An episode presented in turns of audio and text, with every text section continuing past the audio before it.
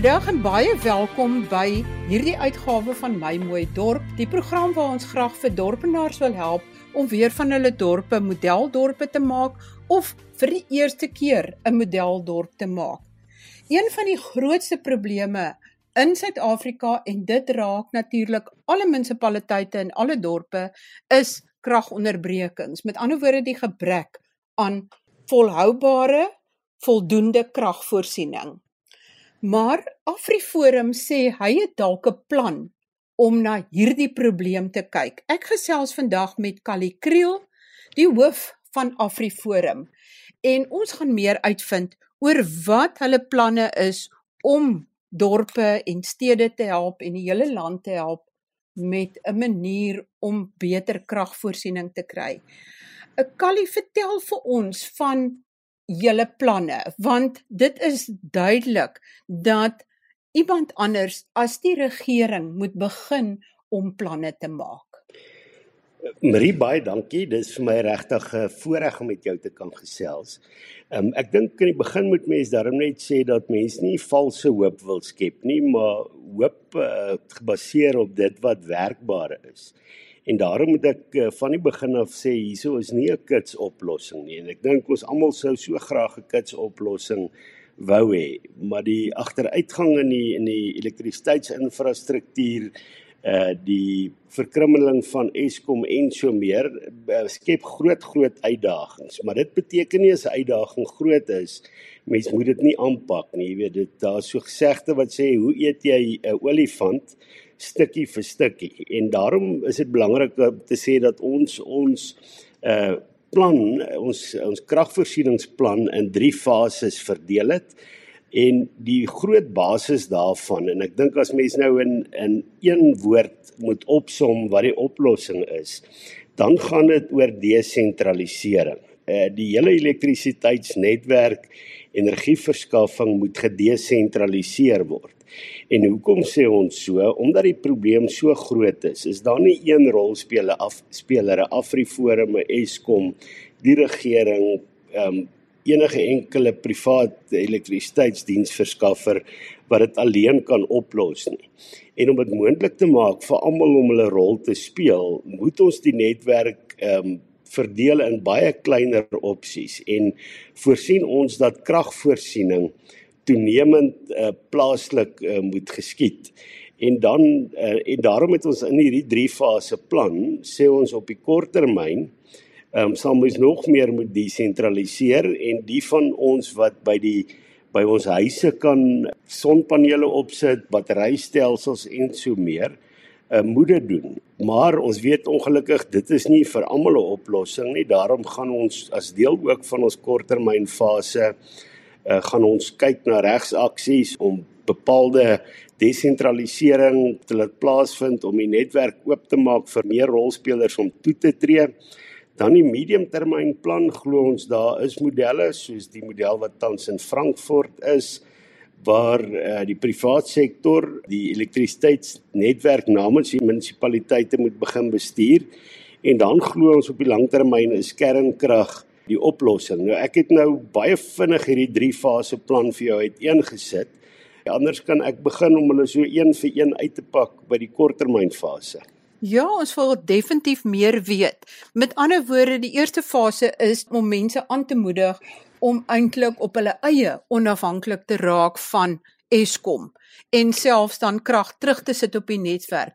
Maar daar is heelwat hekkies wat oorgespring moet word want ek verstaan dit kos nogal heelwat geld om daardie apparaat te koop of die toerusting te koop om dit te kan terugsit in die netwerk. Dit kos blykbaar hier by die R12000 en dan is die bedrag geld wat Eskom betaal vir die krag wat teruggesit word maar minimaal.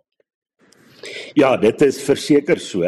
Ons wil wel verder gaan as om net om mense aan te moedig. Uh, ons wil dit vir mense makliker maak. Nou ons het die afgelope week het ons 'n navorsingsverslag of kom ek noem dit eerder 'n gids opgestel vir huisbewoners om te sê hoe kan jy jouself elektrisiteitsonafhanklik maak? Want die een probleem is natuurlik, ehm um, jy weet dit is amper nou die nuwe goud wedloop of in Engels praat hulle van 'n gold rush uh, met hierdie noodsaak vir solar het daar ewe skielik baie verskaffers en baie installeerders na vore getree, iets wat ons natuurlik oor dankbaar is want daar is baie mense nodig om eintlik hierdie volle omvang van die probleem aan te pak. Maar ek dink is wel belangrik dat mense nie vir hulle self 'n kat in die sak koop en 'n verkeerde stelsel insit of iemand kry om te installeer wat nie weer hoe weet hoe nie. So ons het uh, professor Johan Rens van die Universiteit van Noordwes gevra om vir ons 'n baie in leuke taal 'n gids vir sonenergie en batterye by huise op te stel. En daardie gids is op ons webwerf beskikbaar en is eintlik so geskryf dat ek moet vir jou sê selfs ek verstaan wat daar staan. So dit is regtig dat mense kan verstaan dat iemand hulle nie 'n gat in die kop praat nie. En dan praat ons natuurlik ook met hierdie akkrediteringsliggame sodat om vir mense wel net lyste te kan beskikbaar stel van geakkrediteerde installeerders. Maar ons weet dit is net 'n fraksie van die mense wat dit kan bekostig. So wat vir ons belangrik is, ons moet begin kyk en met finansierders praat dat jy eintlik 'n model in plek stel, maar ek moet beklemtoon dis nog nie in plek nie waar jy eintlik hier om te koop.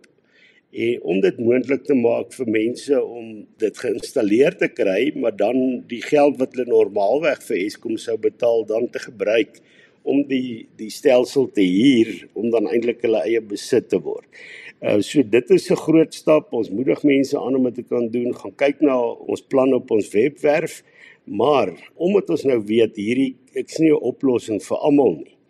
Moet ons wel seker maak dat die mense wat wel hierdie oplossing implementeer, die surplus krag wat hulle genereer om dit in die netwerk te versprei. Nou jy hoef nie 'n uh, eh, verskriklike vierpyl wetenskaplike te wees om te weet dat mense gaan nie ekstra produseer as dit vir hulle geld kos en dit nie die moeite werd is nie. En daarom is een stap, ons moet druk op Nersa toepas.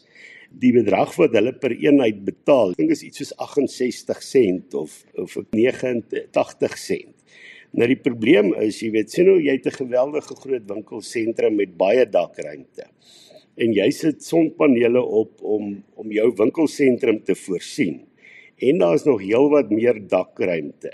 Dan moet daar vir jou 'n aansporing wees om bykomende opwekkingsvermoë te installeer. Maar omdat dit jou baie geld kos, gaan jy moes nou 'n som maak en sê hoeveel moet ek per eenheid kry om dit die moeite werd te maak. En dan gaan jy dit net dood eenvoudig nie doen nie as dit jou eintlik duurder gaan kos as wat jy gaan inkry. Ek het nou onlangs 'n artikel gelees waar iemand geskryf het om te sê die stad Kaapstad um, kyk nou daarna om 'n uh, 25 sent subsidie te gee sodat hulle bykomend tot die NERSA goedgekeurde tarief dat hulle 25 sent bykomend uh, sit tot die bedrag om dit die moeite werd te maak. Maar ek bedoel ons sal daardie druk op NERSA moet plaas om dit oop te maak. Dan sal er ook van ons kant af met regsaksie kom oor sekere ander hindernisse wat nog in terme van monopolie van Eskom is waar mense nie kan toetree nie omdat hulle sukkel om by Eskom toestemming te kry en daardie hindernisse moet uit die weg uitgeruim word so ons sal binne die volgende 2 weke gaan ons regspan kyk daarna oor die oor die spesifieke aspek. Nou dit is op die kort termyn. Die medium termyn is iets waaroor ek baie opgewonde is. Dit is nie 'n pypdroom nie want dit bestaan reeds. Jy weet as mens gaan kyk nou sê maar na die Weskaap Ons glo dat die Wes-Kaap een van die eerste provinsies is of ten minste baie van die dorpe daar wat beerdkrag vry gaan wees. En hoekom is dit so? Want ons sien die privaat sektor gaan toetree tot elektrisiteitsvoorsiening in die Wes-Kaap. Nou hoekom sal hulle dit daar doen en nie elders nie? Ek dink enige iemand wat 'n belegging wil maak, wil sekuriteit hê en weet hulle gaan nie hulle belegging heeltemal verloor nie. En as jy weet dat die munisipaliteit is onder goeie bestuur, jy weet die munisipaliteit betaal vir Eskom, dan kan jy mos belê want dan weet jy jy gaan ook jou opbrengs op jou belegging kry. Maar nou sit ons in die sentrale dele en die noordelike dele van die land waar munisipaliteite oor die algemeen bankrot is. Ons weet landwyd het net 10% van munisipaliteite kry skoon audits Daar's nie kundigheid nie, daar's nie geld nie, die infrastruktuur is vervalle en hulle skuld vir Eskom meer as 44 miljard rand. Nou binne daai konteks gaan mense bitter moeilik um, beleggings maak. Maar ek, dink binne die Mafube munisipaliteit het 'n maatskappy met die naam van Rural Free State eintlik met 'n baie unieke model vorendag gekom en 'n 25 jaar kontrak gesluit met die munisipaliteit om te sê ons vat die bestuurde elektrisiteitsnetwerk vir 25 jaar wat beteken hulle onderhou die elektrisiteitsnetwerk hulle doen die invordering van geld. Hulle betaal Eskom en so meer. En daar kry jy eintlik die vreemde situasie dat die mense wat hulle elektrisiteit betaal se geld gaan na Eskom toe ten spyte daarvan dat dit 'n korrupte munisipaliteit is. So daardie model bied baie moontlikhede en uh ons is besig om 'n blou druk te skryf op vir gemeenskappe om dan te begin beding en druk toe te pas vir daardie model binne hulle eie plaaslike regering. En natuurlik gaan dit nie maklik wees nie. Hoekom nie? Want korrupte amptenare wil hulle vingers in die beer sien en hulle gaan so lank as moontlik klou om om hulle vingers in die beursie te hou. En gaan dit nie wil afteken om dit onder goeie toesig te laat bestuur nie. So ons weet dis nie maklik nie, maar ons moet begin druk toepas vanuit gemeenskappe. En uiteindelik is dit ook maar ons weet die plaaslike politici is baie afhanklik van hulle poste as raadslede uh, vir oorlewing en het nie noodwendig ander moontlikhede um, om ander werk te gaan kry nie. En mense moet daardie druk begin toepas as die mense begin besef kyk ons gaan ons poste verloor en die manier om dit te kan regkry is om die privaat sektor in te bring is 'n oplossing. Maar weer eens ons probeer dit nie maklik laat klink nie maar dit is waarna ons werk en dan die derde fase ons glo hier na 10 jaar moet kernkrag moet saam met eh, gewone sonkrag, windkrag, hidroelektrisiteit 'n rol speel. Ons weet sonkrag is is baie wisselvallig in die opsig. Jy kan bewolktheid hê of daar kan nie 'n wind waai as jy met windkrag het nie en dan moet jy daardie krag stoor en storingskoste is eintlik die die groot uitgawe. Mense wat sonpanele weet, ehm um, sonpanele is goed, maar waar jy sukkel is wanneer jy nou moet groot getal batterye moet begin aanskaf. En ons glo kernkrag kan daardie stabiliteit bring, maar nie ou Chernobyl tegnologie wat baie gevaarlik was nie. Ehm um, die nuwe modulêre korrelbed tegnologie ontwikkel vinnig. In Amerika is daar 'n maatskappy met die naam NewScale wat se eerste prototipe nou goedgekeur is deur die Amerikaanse elektrisiteitsreguleerder waar hulle hom gaan bou daar's 'n hele paar ander uh, maatskappye wat daar werk. Maar ek dink wanneer mense sê kernkrag as 'n oplossing, dan moet mense ook nou nie onrealisties wees nie. Dit is op die oomblik baie duur, maar ons glo soos met enige nuwe tegnologie, soos wat dit meer en meer gebou word, sal dit meer bekostigbaar word en ons moet juis nou al daarna begin kyk want die die probleme wat ons nou het in die land is omdat Eskom en die regering nie langtermynbeplanning gedoen het nie en daarom is dit belangrik dat ons nie kernkrag heeltemal uit die prentjie haal nie. Kali, jy praat van modulêre korrelbed kernkrag modules. Dit is bekend dat Suid-Afrikaanse navorsers en wetenskaplikes al jare gelede baie ver gevorder het en baie kundigheid opgebou het in terme van die ontwikkeling van hierdie korrelbed kernmodules. Maar baie van hulle is land uit Hoe sal hierdie kernmodules werk? Is dit een wat op 'n sentrale plek is? Is dit een vir elke dorp? Hoe sal hierdie modules werk? Ja, ek moet vir jou nou eerlik sê, um, ek is nou nie 'n kernfisikus nie, maar ek het darm nou die voorreg gehad om die laaste week of wat uh, te praat met verskeie mense wat betrokke was direk by hierdie uh, korrelbed modulêre reaktor en wat eintlik um, het hulle baie goeie werk gedoen om die grondlegging te doen want wanneer jy nou so werk met 'n nuwe tegnologie om dit te ontwikkel dan is almos nou reuse kostes aan verbonde. Maar wat ongelukkig gebeur het, Suid-Afrika het die kostes aangegaan om hierdie mense die grondwerk te laat doen en toe op die punt waar daar nou deurbrake kon kom, toe het die regering in 2010 die program heeltemal gesluit Wat beteken daardie mense wat eintlik nou hier is geld spandeer gewees en hulle kon hier groot ontwikkelings maak, toe daardie mense nou noodgedwonge by 'n klomp maatskappye in die buiteland begin werk. En jy sal die Afrikaanse van hoor as jy op daai maatskappye se webblaaie gaan kyk. Maar nietemin ons glo dat daardie kundigheid moet weer teruggebring word. Dis nou te vroeg. Maar om spesifiek net na jou vraag te kyk.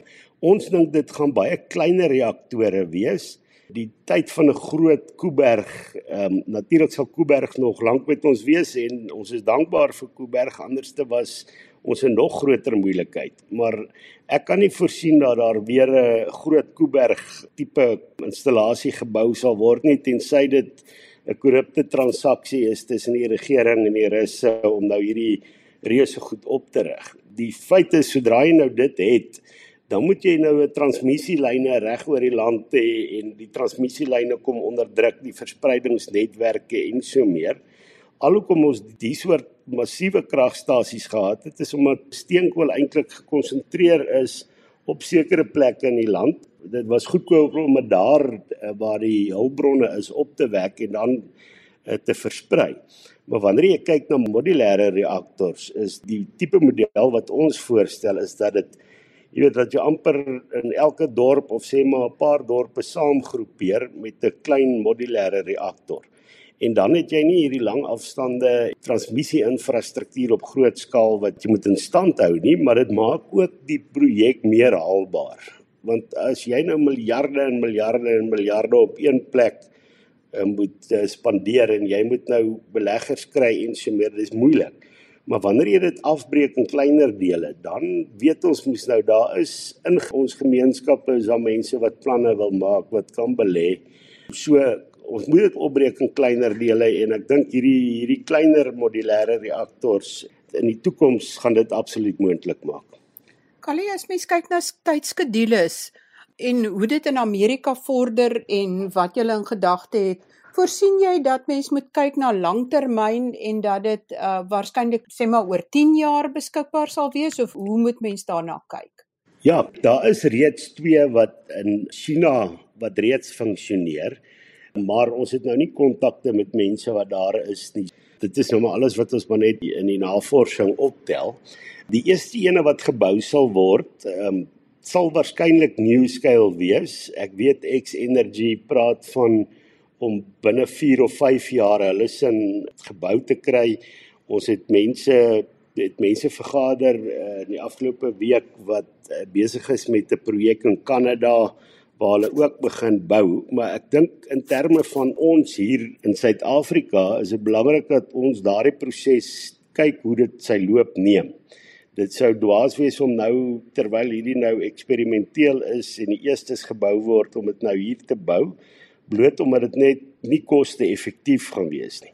Maar as hierdie gebou is en daar begin volumes gebou te word, dan sal die kostes afkom, soos wat jy weet mens in die begin was 'n selfoon baie duur.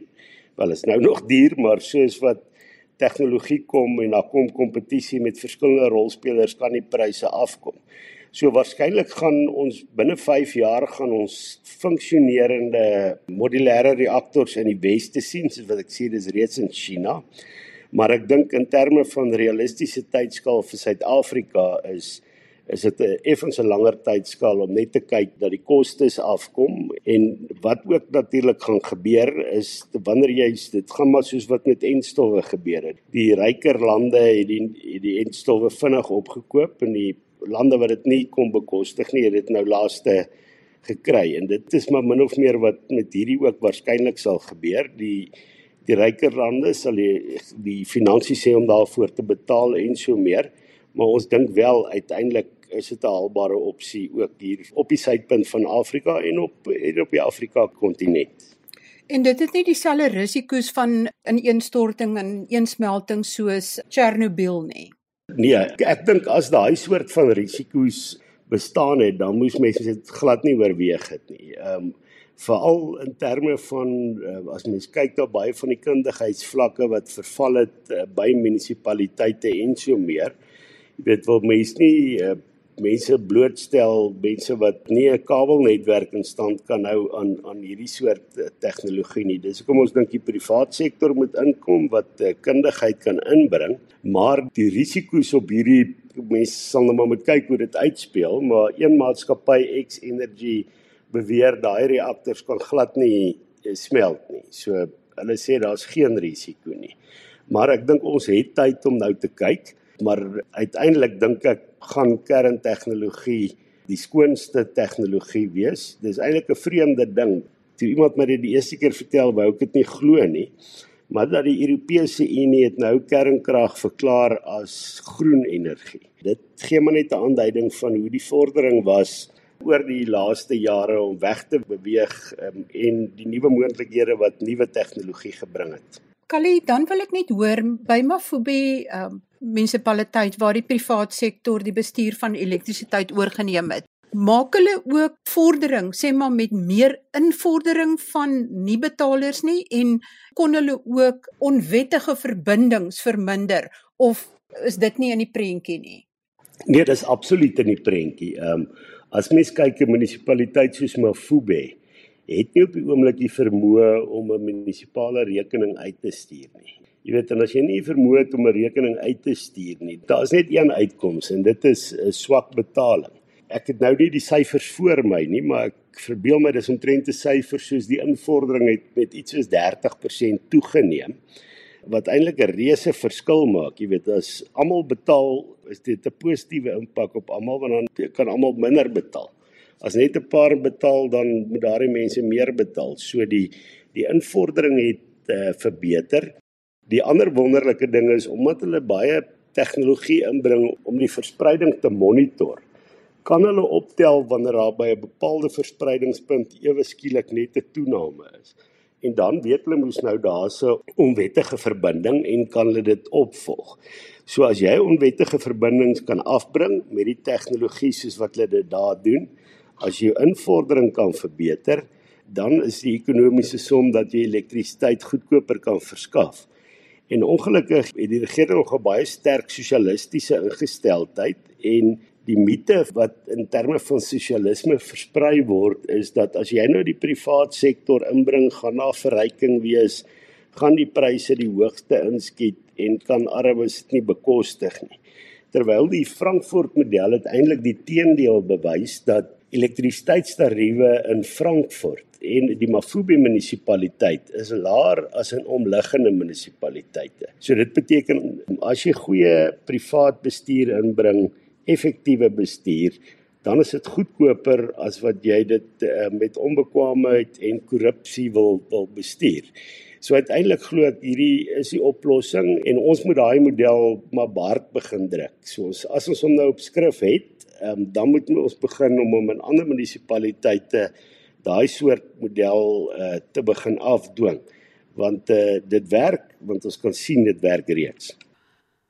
Dit is Callie Kriel, hoof van AfriForum wat hierdie inligting met ons deel oor die beplande kragentiteit wat AfriForum op die been wil bring wat basies in 3 fases sal werk met die eerste fase dat soveel mense as moontlik aangemoedig word om sonpanele op hulle dakke te sit en dat daar voordele beding word vir diegene wat dit doen en om dit te kan terugsit in die netwerk en dit die moeite werd te maak om meer krag op te wek sodat dit teruggesit kan word in die netwerk.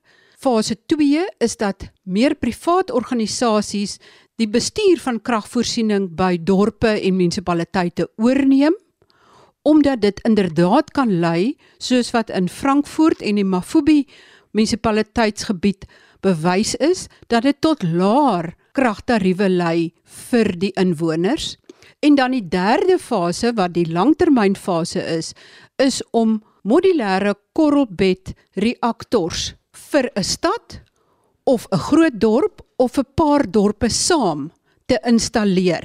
Hierdie reaktors is klein en hou nie dieselfde risiko's in as wat Chernobyl en ander groot en ouer generasie kernreaktors inhou nie. Volgende week gesels ek verder met Kalikriel En ek gaan ook vasstel of daar al tandem sonpanele wat meer elektrisiteit per sonpaneel kan vervaardig al in Suid-Afrika beskikbaar is. En gaan kyk gerus op ons webwerf want ek het 'n skakel geplaas na die gids wat opgestel is deur AfriForum sodat jy die regte sonpanele en die regte batterye by die regte installeerders kan kry. Tot volgende week dan, wanneer ons weer oor sake gesels wat jou dorp kan raak. Baie groete van my, Marie Hudson.